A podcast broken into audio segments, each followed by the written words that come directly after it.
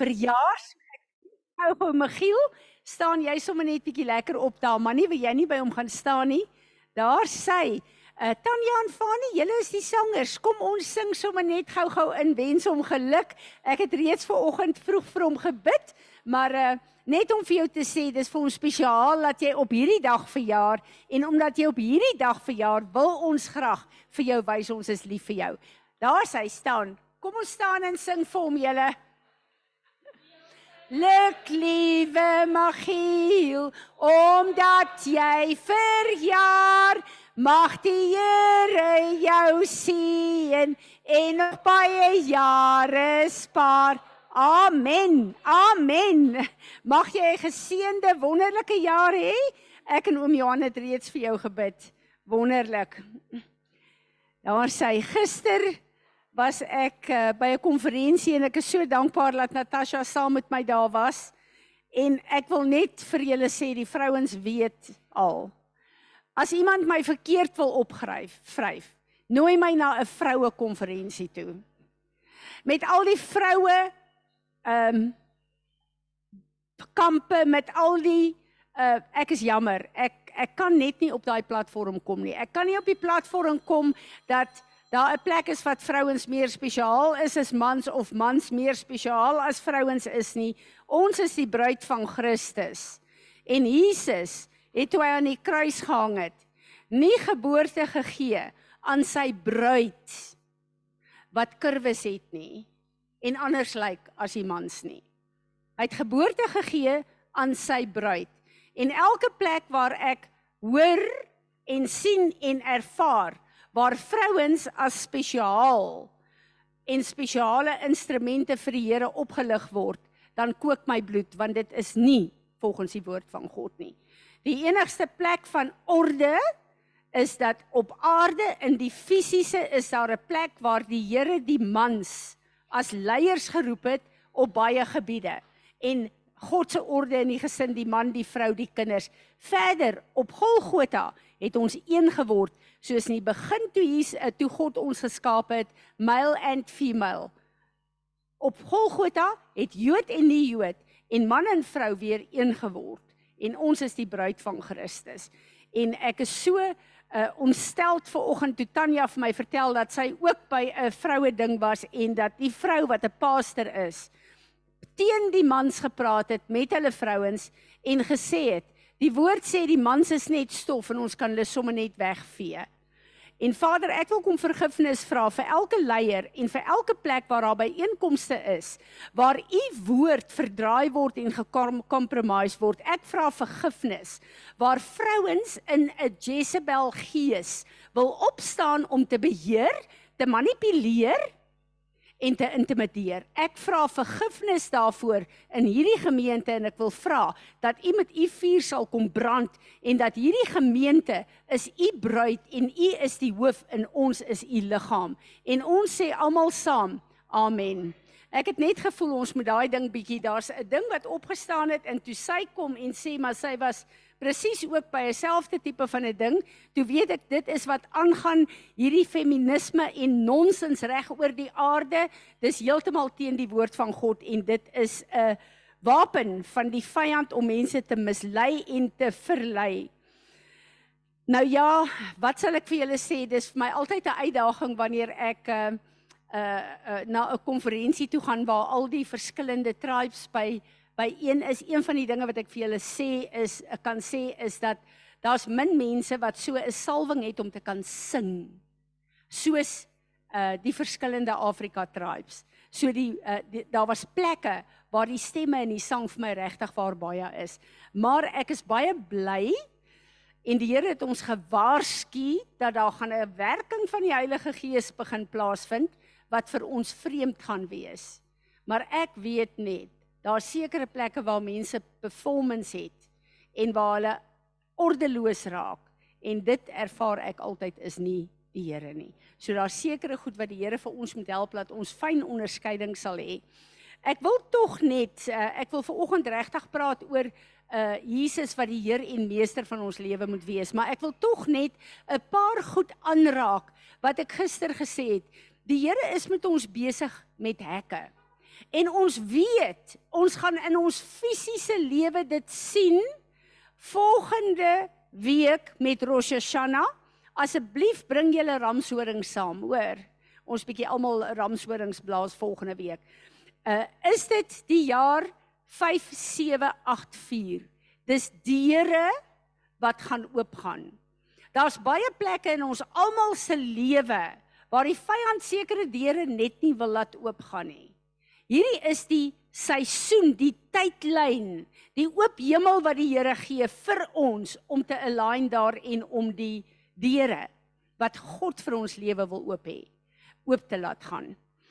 Maar uh, hulle het my gevra om oor hekke te praat gister daar en die Here vat my toe dadelik na die skrif in Genesis uh, eh, 22 vers 17 toe uh, wat hy vir Abraham gee het in blessing I will bless you and in multiplying I will multiply your descendants like the stars of the heavens and like the sand of the seashore and your seed your heir will possess the gates of his enemies Wie is daai saad? Dis ek en jy. Ek en jy is waarvan daai skrif praat. En die Here gee hier 'n baie belangrike belofte. En hy sê ons sal die hekke van die vyand inneem. En die Here het hierdie afgelope weke so met ons gepraat oor hekke en die belangrikheid daarvan dat ons reg kan wees volgende week wanneer hierdie oop hemel van die hekke kom en God sekere goed wil skuif op aarde en in ons lewe. Laat ons sal verstaan waaroor dit gaan. En ek het 'n bietjie geluister hierdie afgelope week na Jonathan Kahn. Dis een van die ouens wat ek regtig bewonder omdat die Here vir hom profeties soveel goed op aarde wys, maar ook in die woord wys. So vir my is dit so lekker om te sien wat die Here vir hom wys en dan sien ons goed gebeur op aarde en dink ons die woord van God is die waarheid tot in alle ewigheid. En hy het 'n paar goed daar genoem noem van deure en hekke wat die vyand oopmaak. Wat vir my regtig waar baie erg is omdat ons dit beleef het, maar ons kom dit nie agter nie. Ons moet weet net soos wat die vyand hekke oopmaak. Uh, wat ons hekke oopmaak vir die Here, maak die vyand ook hekke hekke oop. Hy kan net na op, hy kan niks self doen nie. En Jonathan Kahn het 'n paar goed daar gewys want hy het 'n studie daarvan gemaak in Amerika. 20 Januarie 1970 was die eerste abortus in New York City gedoen in Amerika eerste wettige abortus. Dieselfde jaar op 11 Maart 1970 het Washington die abortuswet gewettig in Amerika. Nou Jonathan Kahn is 'n Amerikaner en die Here gebruik Amerika vir baie profetiese goed uh, uh om vir ons te wys in die wêreld. Uh God werk in siklusse van 50 jaar wat jubilee is en ek wil nie op jubilee ingaan nie. Maar baie keer sal 'n ding begin en na 50 jaar sal jy die effek daarvan sien ook. En op 20 Januarie 2020, presies 50 jaar na daai eerste abortus, is die eerste COVID geval in New York City, Amerika. Ehm uh, ek kan nie onthou nie is hy dood of aangekondig. Op 11 Maart 2020, presies dieselfde datum as die abortuswet het Amerika 'n hele lockdown ingegaan het Washington aangekondig. Kyk die hekke wat oopgemaak word, kyk die effek daarvan, kyk die tydlyne. So ek en jy moet verstaan wanneer ons deel met hierdie goed, is dit nie sommer goed wat ons praat nie.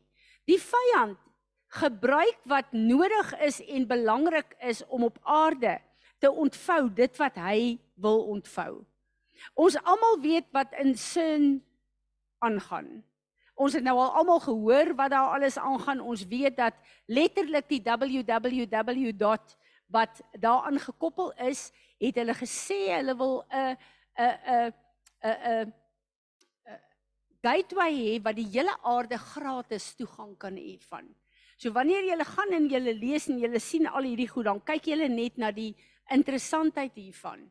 As ons kyk waarvoor dit staan en as ons kyk wat se gateway dit is, Ons het nou al baie preke daaroor gehoor en inligting gekry.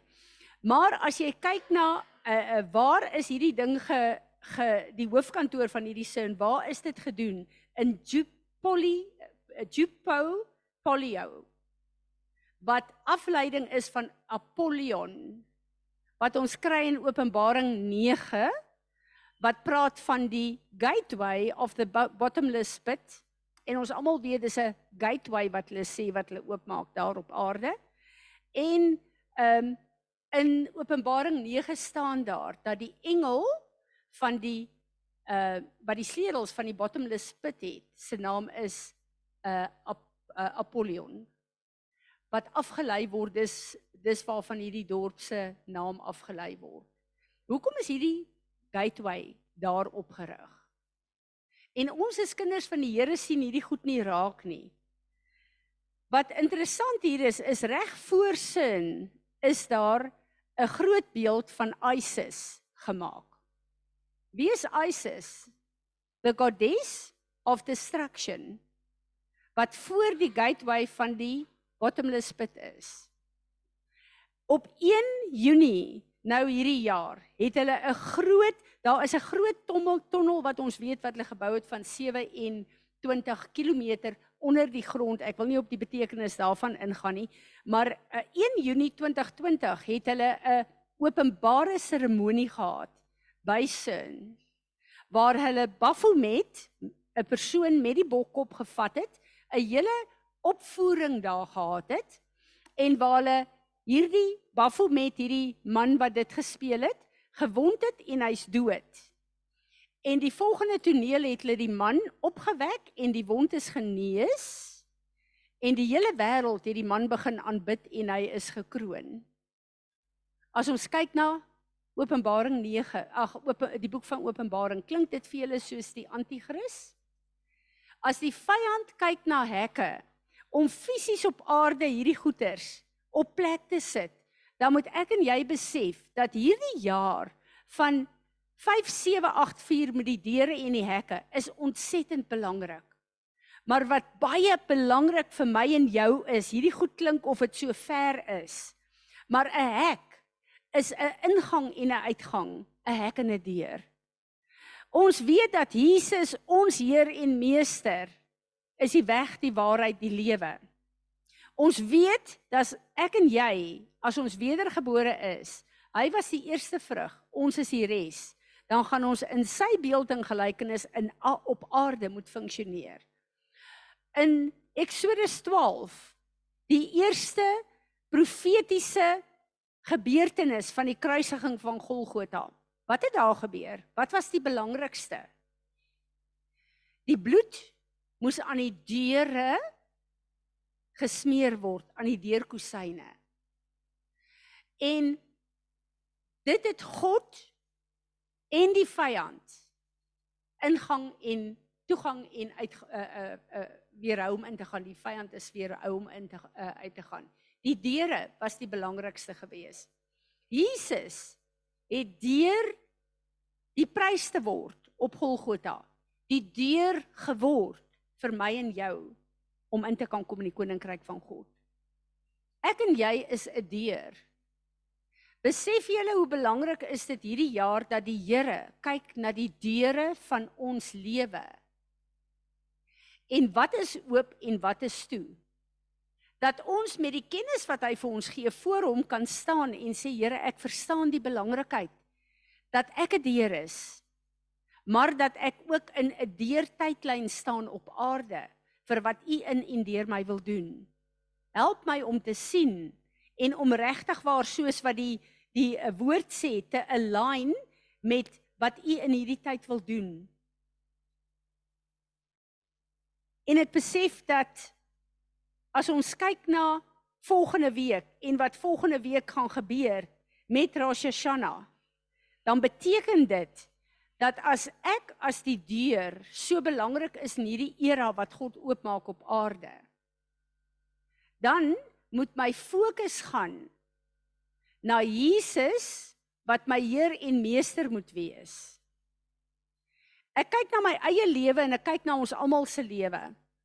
En ons almal hier sal hande opsteek dat Jesus het ons gered. Ons is reeds in ons ewigheidslewe. Jesus is ons verlosser. En ek wil vir ons Johannes 14 vers 10 tot 16 lees. Do you not believe that I am in the Father and the Father is in me? What I am telling you, I do not say on my own authority and of my own accord, but the Father who lives continually in me, thus his works, his own miracles, deeds and of power. Believe me that I am in the Father and the Father in me. Or else, believe me for the sake of the very works themselves. If you cannot trust me, at least let these works that I do in my Father's name convince you. I assure you, most solemnly I tell you, if anyone steadfastly believes in me, he himself will be able to do the things that I do, and he will do even greater things than these. Because I go to the Father, and I will do myself uh, whatever you ask, uh, I will do whatever you ask in my name, as presenting all that I am, so that the Father may be glorified and extolled in through the Son. I will grant whatever you ask in my name. If you really love me, you will obey my commandments, and I will ask the Father, and he will give you another comforter counsel counselor helper intercessor advocate strengthener maar hierdie ene wil ek op highlight. Stand by that he may remain with you forever. As ons kyk na God wat 'n gees is en ons kyk na ons hier op aarde wat vlees en natuurlik is 'n gees kan nie op aarde funksioneer sonder 'n liggaam nie. Daarom het ek en jy na ons wedergebore is God die reg gegee om in ons liggame te kan woon. Hoekom? Om deur ons liggame op aarde te doen wat gedoen moet word. God het dit in sy almag en alwetendheid besluit dat 'n mens die autoriteit op aarde het wat hy vir Adam en Eva gegee het. Wat Jesus gekom het in Matteus 8 en gesê het al die autoriteit op aarde is aan my gegee. Ek gee dit aan julle. Daarom het ons God in ons nodig om te doen wat hy wil doen. En nou kom ons by die ding wat vir my regtig waar 'n probleem is en ek weet vir julle ook. Ons almal se belydenisse is ons is kinders van die Here. En ons weet, ons het 'n sekerheid waarheen ons op pad is. Maar as Jesus kom en sê hy het Heilige Gees vir ons gegee as 'n standby wat in ons woon. Wat dieselfde in en deur ons moet doen as wat hy deur Jesus gedoen het op aarde. En hy sê vir sy disippels: Die Vader is in my en ek is in hom. As julle sukkel om dit te glo, as daai konsep dat iemand in my woon en ek in iemand woon vir julle vreemd is, Kyk dan na my werke. Na al die wonderwerke wat ek gedoen het op aarde en laat die wonderwerke laat my werke julle oortuig. En dan kom Jesus en hy sê: "Maar ek sê vir julle, as julle my aanneem, dan gaan ek dieselfde gees wat in my is, wat my en my Vader verbind, gaan ek in julle laat woon." En dan hoekom? Woon die Heilige Gees van God in ons. Sodat julle in my naam groter werke sal doen as wat ek nou doen. Hoekom het hy gesê groter werke? Omdat die kruis nog nie afgehandel was nie. Die van finaliteit van die oorwinning van die vyand was nog nie afgehandel nie. In my en jou lewe is dit afgehandel en ons het daai krag om te heers oor die werke van die vyand in ons opgesluit in Jesus Christus. Maar as hy sê ek en jy gaan groter werk doen as wat hy gedoen het. Ek het nog nie eens al die werke wat Jesus op aarde gedoen het, het ek gedoen nie. Het julle? Jesus is die weg, die waarheid, die lewe. Hierdie woord van hom is die waarheid. Is dit miskien omdat ek en jy dink ons is net gered, ons is op pad hemel toe? Maar ek en jy dink nie daaraan dat ons moet doen wat hy gedoen het nie. So wanneer iemand dood is, vra ons vir die Here, is dit u tyd of wil u hê ek moet daai persoon hande op lê en terugbring hemel toe, uh, terugbring aarde toe? Ons het nie eers daai manier van dink nie. Omdat ek weet ons wil graag hê Jesus moet die Heer van ons lewe wees. Maar as hy die Heer en meester van ons lewe is, beteken dit dat hy deur ons gaan begin lewe. Né? Nee? Maar dan gaan hy begin doen wat hy op aarde gedoen het. En is dit ons klein gelowigheid wat hom keer? sien ek en jy onsself as iemand wat God kan gebruik om mense uit die doodheid op te wek? sien ek en jy onsself as wanneer ons vir iemand bid wat kanker het en hierdie is vir my 'n groot ding want die Here het my al laat bid vir mense wat gesond geword het maar ek het ook al gebid vir mense en dan sterf hulle en julle almal sit met daai getuienis nê nee. dan wonder ek in hierdie seisoen wat oopgaan op aarde is hierdie 'n deur wat die Here wil oopmaak om vir ons te sê ek wil nie meer net julle verlosser wees nie. Ek wil die Heer en die meester van julle lewe wees. Wat gaan beteken? Julle gedagtes oor julleself en julle gedrag gaan begin verander. En julle gaan my meer begin toelaat om regtig Heer en meester te wees van julle lewe. Want hier is 'n seisoen wat hy oopmaak wat die nasies van die wêreld moet inkom.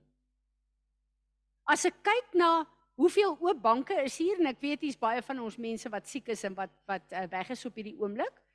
Maar daar's plek vir baie mense om in te kan kom in hierdie gemeente. Wanneer ek kyk na 'n skaapboerdery en Jesus sê ek is die herder wat vergelyk word met die herder van 'n gemeente, van 'n skaapkudde. Dan besef ek dat wanneer 'n skaapkudde, wanneer 'n gemeente moet groei, is dit nie die herder wat die skape bevrug nie. Dis die skape wat die gemeente moet volmaak en sien ons dit raak? sien ons onsself as mense wat mense in die koninkryk moet inbring? Ek sit hierdie week met iemand en uh, ek het regtig warm onder die kraag geword wat sê maar hulle wil graag evangelisasie uitreike hê, hulle wil graag bewegings hê om mense in te bring en en ek sê is wonderlik het die Here almal geroep om missionaries te wees? Beteken dit nie dat die plek van invloed waar God jou geplaas het, moet jy vrugbaar wees nie? Beteken dit nie dat in die kringetjie waar jy is, die plekke waar jy koop, die plekke waar jy jy gaan elke week, moet ons vir die Here vra, Here, wie is daar wat U merk vir wedergeboorte hierdie week? Ons dink nie daaraan nie omdat Jesus nie die Heer van ons lewe is nie. Hy's nie die meester van ons lewe nie. Hy's ons redder, hy's ons verlosser. Maar die oomblik as ons hom wil toelaat om deur ons te werk, die werke van sy Vader te doen, dan is ons gedagtes en ons gedrag 'n toedeur omdat ons onsself nie sien as sy verteenwoordigers op aarde nie. En vir my 'n skokkende ding sommer net vir myself is al die mense wat vir ons werk wedergebore. God plaas ons op 'n plek van autoriteit op sekere plekke. Ek het 'n idee, hierdie is 'n seisoen wat ons ingaan julle wat ons optrede radikaal gaan verander en laat ons Jesus gaan toelaat om Heer en Meester oor ons lewe te raak. My hart is by die boere omdat daar soveel boere hier in ons gemeente is. Jesus het autoriteit gehad oor die natuur op aarde. As hy Heer en Meester van my lewe moet wees en ek sy verteenwoordiger is, dan beteken dit dat die autoriteit wat hy vir my gegee het, sal ek moet toelaat om deur my te begin vloei. Wat het hy gedoen vir die storms, die weerpatrone wat skade wou doen? Hy het hulle bestraf in die naam van Jesus. Ek glo met my hele hart as God ons geroep het, van ons mense geroep het as boere, dan beteken dit dat ons getuienis van ons boerdery moet suksesvol wees want die wêreld kyk na ons en sê ek kan sien jy dien die enigste lewende God wat daar is. Is dit dalk die tyd waar die Here kom en vir ons sê ek het vir julle die autoriteit gegee in plaas daarvan om te bid en te vra Here seën my asseblief en help my om op die regte tyd reën te kry en soos wat ons bid wat in my oë goed en reg is is daar nie dalk 'n plek waar wanneer dit nie reën nie ons kan opstaan en gesag neem oor die natuur soos wat Jesus gedoen het en die autoriteit wat hy vir ons gegee het begin uitoefen? Of is daar 'n plek in ons waar ons dink ek is bang om dit te doen want sê nou dit werk nie. As ek en jy nie gaan begin toelaat dat Jesus deur ons Heer en Meester autoriteit het, heerskappy het nie. As ons dit nie toelaat nie, gaan dit nooit gebeur nie. Ons ken die hele storie waar die waar Jesus gekom het en die uh uh um storm bestraf het. Maar in Hebreërs 1 vers 3 staan daar He, Jesus, is the sole expression of the glory of God, the light being, the outraying or radiance of the divine, and he is the perfect imprint and the very image of God's nature, upholding and maintaining and guiding and propelling the universe by his mighty word of power. heerskappy oor die natuur, selfs oor die wetenskaplike wette. Oor alles het hy heerskappy. Hy het dit vir ons gegee. Ek glo met my hele hart wanneer ons dit gebruik in die protokol van God en in sy wil, gaan ons wonderwerke en tekens begin sien wat ons nog nie op aarde beleef het nie. Ons weet hy het gesag oor siekte. Vir my is dit so belangrik dat ek lees vir ons Matteus 8 vers 16 en 17. When evening came, they brought to him many who were under the power of demons. He drove out the spirits with a word and restored to health all who were sick. Almal wat siek was, het hy genees. Hoeveel keer is daar wat ek en jy moet bid vir mense wat siek is? Wat ons geïntimideer is deur plekke waar ons vir mense gebid het wat siek was wat nie gesond geword het nie. Hy is die geneesheer, nie ek of jy nie. Maar as ek en jy nie volhard om te doen wat hy wil hê ons moet doen nie, dan kan hy nie werk nie. Ek dink die Here wil hê ons moet ons gedagtes begin verander oor wie hy is. Gesag oor lewe en dood. Hoeveel mense het hy uit die dood uit opgewek? Wat vir my so wonderlik is, ek besef ver oggend terwyl ek dit lees, Jesus het spesifiek die plekke waar Jairus se dogtertjie, daai ou uh, op die begrafnis opgewek het, Lazarus opgewek het, het hy gedoen sodat sy disippels kan weet dat hy ook uit die dood uit kan opstaan. As hy mense uit die dood uit, as hy gesag het oor lewe en dood, dan sal dit wat hy gesê het waar word dat hy opstaan uit die dood uit. En ons weet dat dood kon hom nie hou nie omdat hy geen sonde gehad het nie. En die oomblik is ek en jy weet ons moet iemand uit die dood uit opwek. Ons dink nie eens daaraan nie. Wanneer iemand doodgaan en ons is geskok en ons dink maar uh, dit is uh, hierdie persoon is buite tyd weggevat. Dit is hierdie is 'n totale trauma. Het een van ons al daaraan gedink om te sê Here, hierdie is nie u wil nie. Kan ek gaan en u instrument wees? En het ek en jy die boldness om te gaan en te sê Here Jesus, u is die Heer en meester oor my lewe. Gebruik my, my liggaam, my hande, my voete, my mond. Ons dink nie daaraan nie. Maar ons wil hê hy moet heer en meester oor ons lewe hê wees. Demoniese magte. Hoeveel keer sien ons mense in die straat wat veral uh, witchcraft, jy kan sien daai persoon is mal. Hoekom gaan ek en jy nie En hoekom gaan bid ons nie vir daai persoon en dryf daai magte uit dat daai persoon se lewe herstel kan word nie? Kyk wat gebeur met die met die uh uh, uh besetene van Gadara. 'n Hele omgewing is aangeraak deur een man wat demonies besete is se genesing. Is dit nie omdat ek en jy nie na daai rigting toe be wil beweeg dat so min dinge gebeur in die liggaam van Christus nie. Is dit dalk hierdie seisoen wat oopgaan oor ons?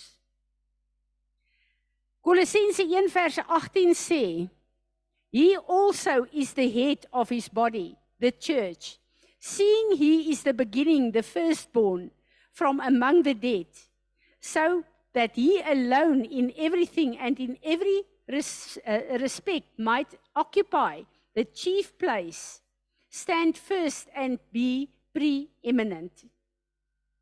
Jesus is die hoof van hierdie gemeente. Hy wil die Heer en die meester wees. En ek dink skielik ek is net sy wessel wat hier staan. Enige een wat die woord bring in die oggend is net sy instrument wat hy daar gebruik. Maar as Jesus sê hy is die hoof van die gemeente gaan ons kerkbywoning nie dalk dan verander nie. Waarvoor kom ons? Kom ons regtig om te hoor dat hy wat die hoof is van hierdie gemeente vir ons sê wat hy vir ons wil sê? En dis 'n vraag wat vir my nogal regtig ontstellend is.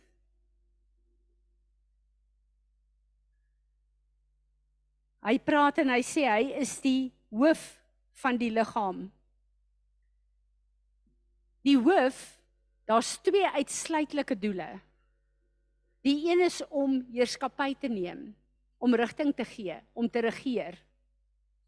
Die ander een is om lewe te gee. Sonder die hoof van die liggaam kan die liggaam niks doen nie. Is dit 'n gebreklike liggaam? Die liggaam kan nie eens lewe nie.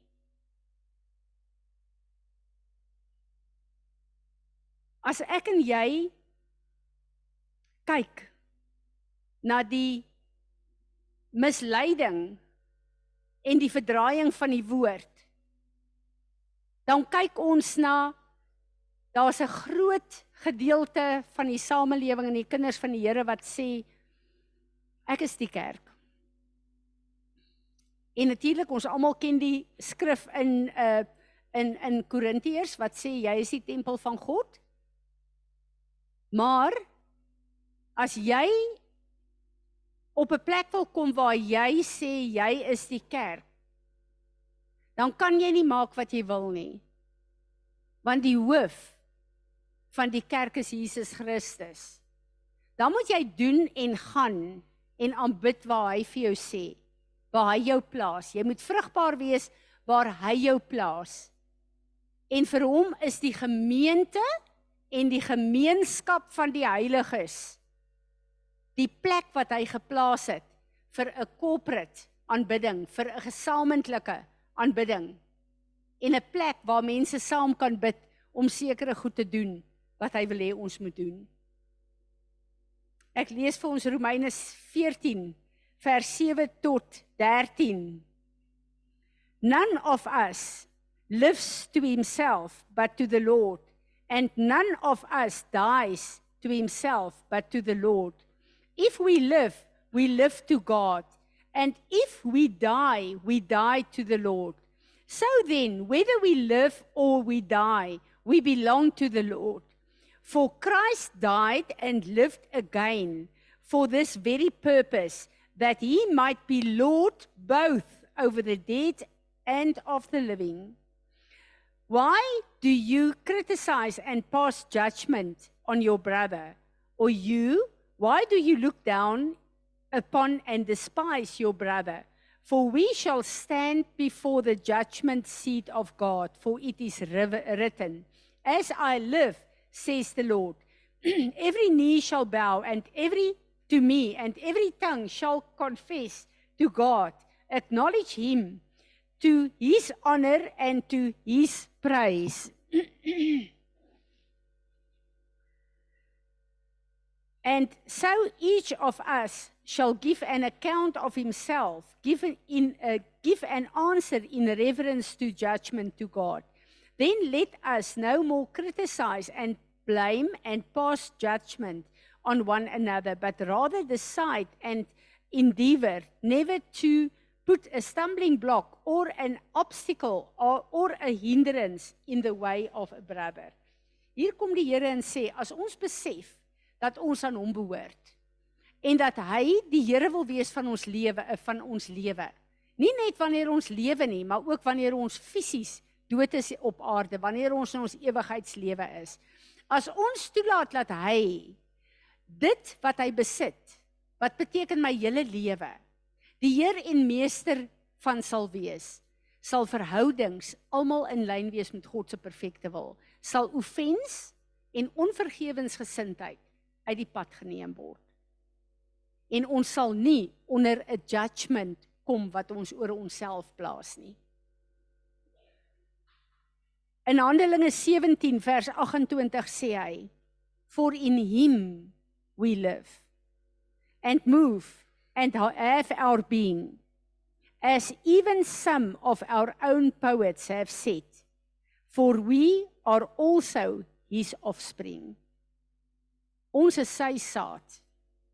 Die onverganklike saad is in ons. Ons is sy nageslag. Jesus was die eerste. Ons is die res. Ons behoort aan hom. Kom ons laat hom toe in hierdie seisoen om regtig die Heer en die meester te wees van ons lewens. Amen. Kom ons staan. Here Jesus, ons het U lief. Ons is so dankbaar dat U ons gered het, dat ons aan U behoort. Maar ons wil ver oggend kom en ons wil sê Here, ons het nie regtig 'n begrip wat dit beteken om U die Heer en die meester van ons lewens te maak nie. En die beperkte plekke waar ons dit toelaat, Here, is dit gewoonlik vir ons eie ophef. Vir ons eie goed doen. Dit is nie vir U en U koninkryk nie. Ons wil vir U sê, Here, ons wil U nooi om die Heer en meester van ons lewens te wees. Maar ons het u hulp nodig. Heilige Gees, kom leer ons. Here Jesus, u disippels het vir u gevra in Matteus 6. Leer ons hoe om te bid. Want hulle het besef dis waar u krag lê. Ons wil kom en sê Heilige Gees, leer ons hoe om Jesus toe te laat om die Heer en die meester van ons lewens te wees. Amen. Amen. Julle kan maar sit. Enige een van julle wat 'n woord het. Amen. Andrei gaan vir ons vandag die verbondsmaal doen. Andrei, baie dankie. Ons sien uit daarna. Daar sê. OK. Goeiemôre. Ek hoop julle kan my mooi sien en hoor. Ek het nie regtig 'n manier om te weet nie. Okay, so ek wil met julle 'n skrif deel wat regtig baie vir my net beteken het, uh, veral in die laaste jaar. Um want ons het die laaste paar jaar regtig baie moeilikheid gehad. Soos wat baie van julle kan verstaan finansiëel en in baie ander dele van ons lewe en ons het uh, baie saam met Fransie gebid oor allerlei goeders. Um en as ek vir julle sê al die reeks van moeilikheid wat ons gehad het, dit was op persoonlike gebied of op uh, finansiële gebied of familiegebied. Um eintlik was dit 'n tipe van 'n krisis van geloof wat ons gehad het. Want ek ek het regtig gesukkel gesê Here, ek het aan al hierdie goeders vir U gedoen. Ek het regtig my lewe vir U gelei. Ek het regtig hard probeer om die Here te dien en dit het my gevoel of alles net in 'n vloek uitgedraai het. En uh die Here het ons gelei om veral baie van Derek Prince se teaching te luister en hy het baie gepraat oor blessing and curses. En dit is die ding wat seker die grootste deurbraak vir ons lewe gebring het die laaste jaar, eintlik laaste 10 jaar. So ek wil net so 'n bietjie van dit deel met julle. En dan as enigiemand vra daaroor het of verder wil gesels, kontak my gerus en kan ons verder gesels of bid daaroor. En die sleutelversie is Galasiërs 3 vers 13 uh, it say Christ has redeemed us from the curse of the law, having become a curse for it for us, for it is written, curses everyone who hangs on the tree. Okay? So wat ek gaan doen is ek gaan okay, goed. Uh I say Christ has redeemed redeemed us from the curse of the law, having become a curse for us. So dit sê nie dat Jesus het ons vloeke gedra. Dit sê dat Jesus het die vloek geword For it is written, cursed is everyone who hangs on the tree. So net die feit dat Jesus vasgespijker is in daai kruis, het hy 'n transformasie ondergaan waar hy die seun van God is, beloved son van God tot 'n plek waar God sy aangesig van hom weggedra het en Jesaja 53 sê dat hy was nie meer eers 'n mens in sy gelaat soos wat hy gelyk het nie. Hy is so getransformeer in al die vloeke en siekte en ellende van die mense wat op hom gekom het dat hy nie eers meer gelyk het soos 'n mens nie definitief nie soos die seun van God nie definitief nie soos God se geliefde seun nie. Uh God se gunsteling of enige soos dit nie. Hy het verander in 'n vloek want al die vloeke wat op ons gekom het is uit op hom gekom en hy is getransformeer in 'n vloek.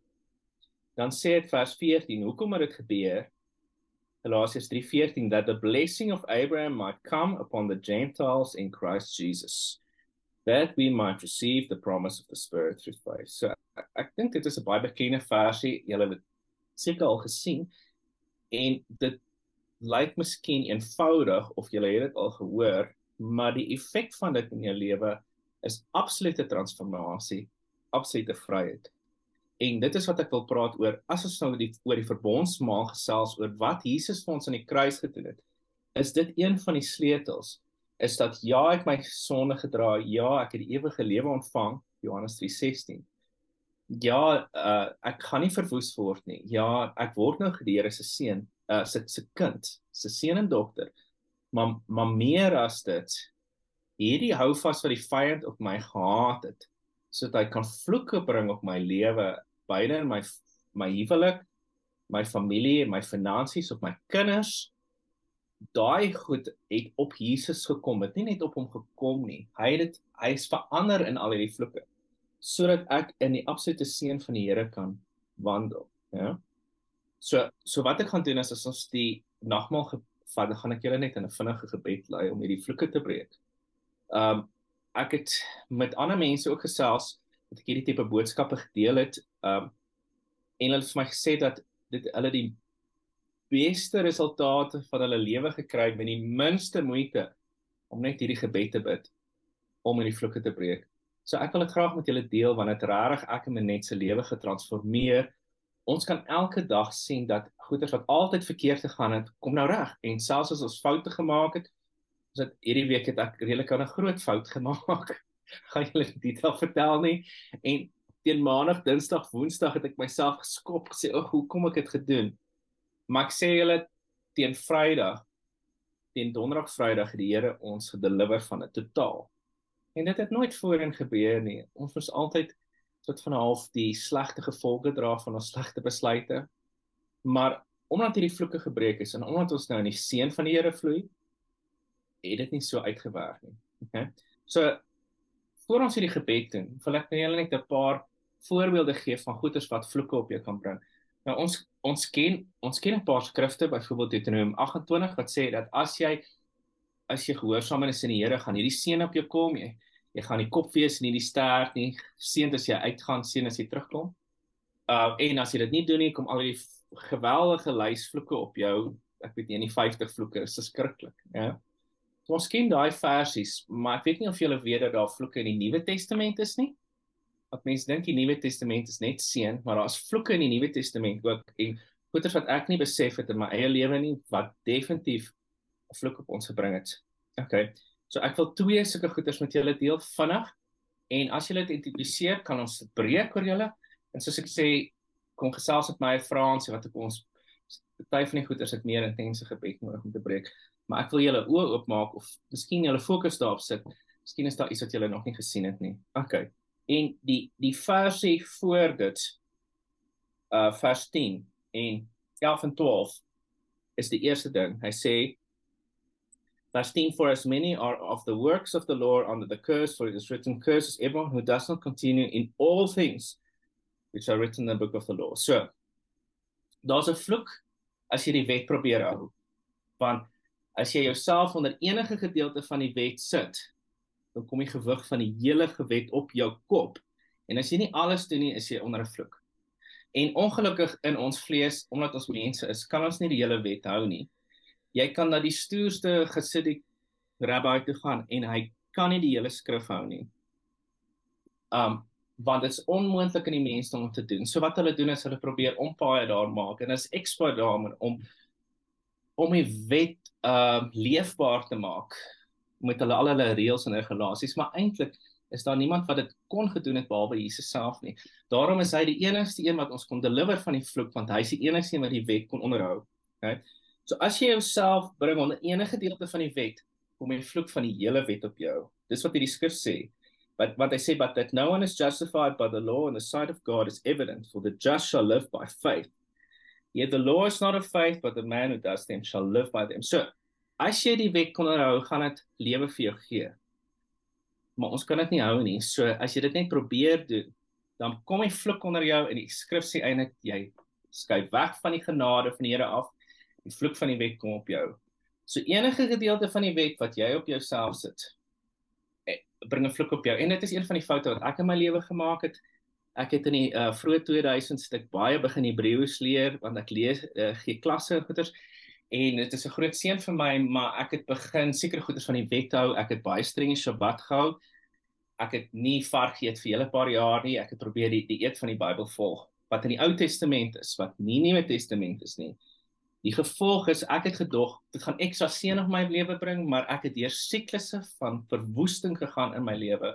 Siklusse waar finansiëel ek geruïneer is en dit net slegter en slegter het begin. En dis een van die redes want ek het probeer 'n gedeelte van die wet hou en die hele vloek van die wet tot my gekom. So dis die eerste ding. So as jy daarmee identifiseer, gaan figure met die Here dit uit, maar dis wat ek geleer het. Die tweede kurs wat in die Nuwe Testament is, is ook in die boek van Galasiërs en dit is hoofstuk 1 baie 'n uh, sterk versie en dit sê vers 8 van Galasiërs 1 But even if we or an angel from heaven preach any other gospel to you than what we have preached to you, let him be accursed. As we have said before, so now I say, if anyone preaches any other gospel to you than what you have received, let him be accursed. Twee keer. Griekse woord is an, anathema, accursed. So dis 'n vloek in die Nuwe Testament dat as jy die evangelie verdraai en jy sit nog iets daarbo op, dan kom daar 'n vloek op jou. En ongelukkig was ek onder heelwat teaching gewees van mense wat goed ekstra goeders op ons gesit het wat nie deel van die gospel is nie.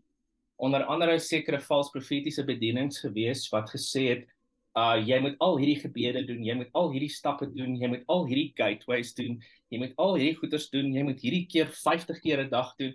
Ek gaan nie spesifieke name noem nie, maar daar was spesifieke teachers gewees wat onder ons was wat baie gepromoveer is in Suid-Afrika. En en die probleem is, as jy daai goeders begin doen, dan is dit 'n other gospel en dan kom daar 'n vloek op jou en dit het dit is ook iets wat op ons gekom het dis een van die probleme in die false prophetic dis is 'n ander gospel en bring 'n curse op jou. So jy kan voel jy vloei in die Heilige Gees, maar dit bring eintlik 'n vloek op jou. So dis nog iets wat jy moet gaan uitpleis en met die Here gaan praat daaroor. Ek kan nie regtig te veel detail daaraan gaan nie. OK. En ehm um, Galasiërs 3, nee 2 sê nee nee 3. Ehm um, uh was dit vers ja 3 vers 1 sê ou foolish Galatian who has bewitched you that you should not obey the truth? Before whose eyes Jesus Christ was clearly portrayed among you as crucified. This only I want to learn for you did you receive the spirit by the works of the law or by the hearing of faith. Are you so foolish? Having begun in the spirit are you now being made perfect by the flesh? Okay, so enige ding wat jy klomp werk moet doen om by die Here uit te kom of dit nou profeties is of fisies Sabbat of al hierdie profetiese aksies en goeters wat jy heeltyd moet doen wat 'n godsdiens word is bewitchment en is witchcraft. En en ek het dit baie beleef want ek het myself ingegooi, ek het al hierdie goeters gedoen. Ek het beide na die messiaanse goeters gegaan, ek het die Sabbat gehou, ek het kosher geëet en dit het, het vloek op my gebring, maar aan die ander kant het ek die false prophetic goeters gedoen. Onder andere een Clayton se gebede gebid daai goeie se doen dit het dis witchcraft en dit het 'n vloek op my gebring. En as eers toe ons hierdie vloek gebreek het dat ons op 'n pad kom wat ons begin vrykom.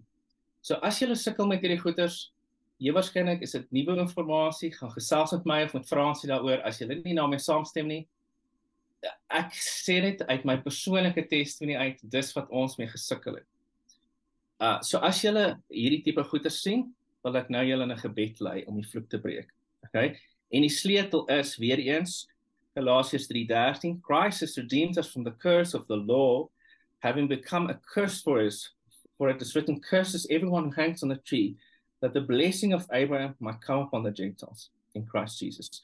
So Vader in die naam van Jesus, as ons nou hierdie verbondsmaal gebruik, wil ek kom na U toe. Eerstens Vader, wil ek ek wil confess Vader en ek wil repent dat ek in witchcraft ingegaan het want ek het allerlei goeders bo op die gospel gesit wat nie in die skrif is nie en dit 'n vloek op my gebring. Vader, ek bid asseblief dat U my sal release van hierdie vloek.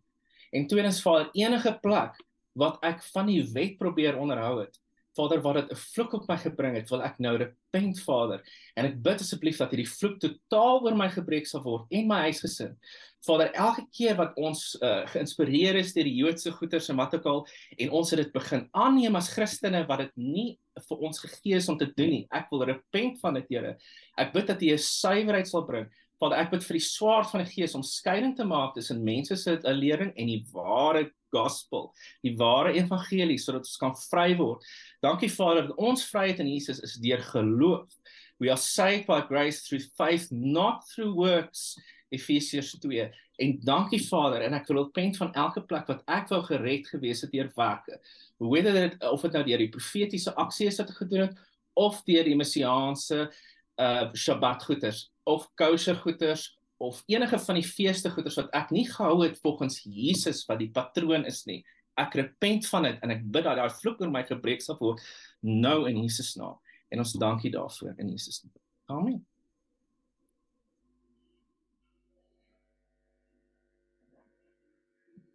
gebruik elke een 'n minuut om te bid wat en te bid en te doen wat die Here wil hê julle moet doen. Dankie Andrei. Dis my baie belangrik om elke keer veral wanneer ons na die feeste toe gaan te sê ons vier dit as die feeste van Jesus Christus met hom in die middelpunt en nie as Jode nie. Sowel ons ons Hebreë wortels eer en respekteer en baie geleer word daar eh, daardeur is ons nie uh mense wat die wette van Israel en die wet onderhou nie. Ons is nie onder die wet nie, ons is vry in Jesus Christus. So wanneer ons nou ook hierdie volgende weke die feeste van Jesus Christus vier, is dit as Nuwe Testamentiese gemeentes van Jesus Christus. Dankie Andrei. Ek wil vir ons die seën uitspreek. Natasha sê die muis het gevries. So is miskien baie goed om die seën van Numeri 6 'n bietjie weer te lees. Die betekenis daarvan in die Hebreëus is altyd vir my 'n 'n lewendige 'n um, 'n manier wat die Here sy name op my sit. Kom ons hoor hoe klink dit in die Hebreëus. Yahweh, he who exists will kneel down before each and every one of you presenting gifts, and he will guard you with a hedge of a protection. Yahweh will illuminate the wholeness of his being towards you, bringing order, and he will provide you with love, sustenance, and friendship. Yahweh will lift up the wholeness of his being and look upon you, and he will set in place all we need to be whole and complete. Hiermee sit ek elke verbondsmaal naam van ons God op ons as 'n beskerming. Amen. Mag julle 'n geseënde wonderlike res van die dag hê.